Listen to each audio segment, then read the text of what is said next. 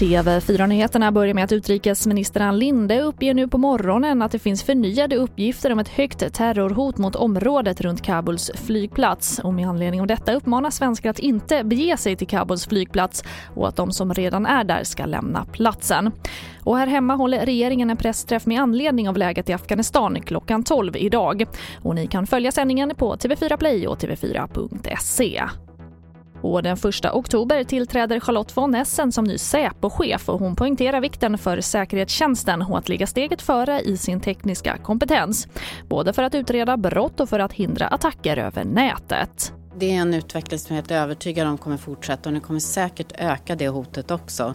Eh, så därför blir det oerhört viktigt för oss att kunna få använda information på ett eh, ändamålsenligt sätt. Vi behöver kunna få ta tillgång till mer krypterad information för att hitta hoten i, i eh, den här mängden av information som finns.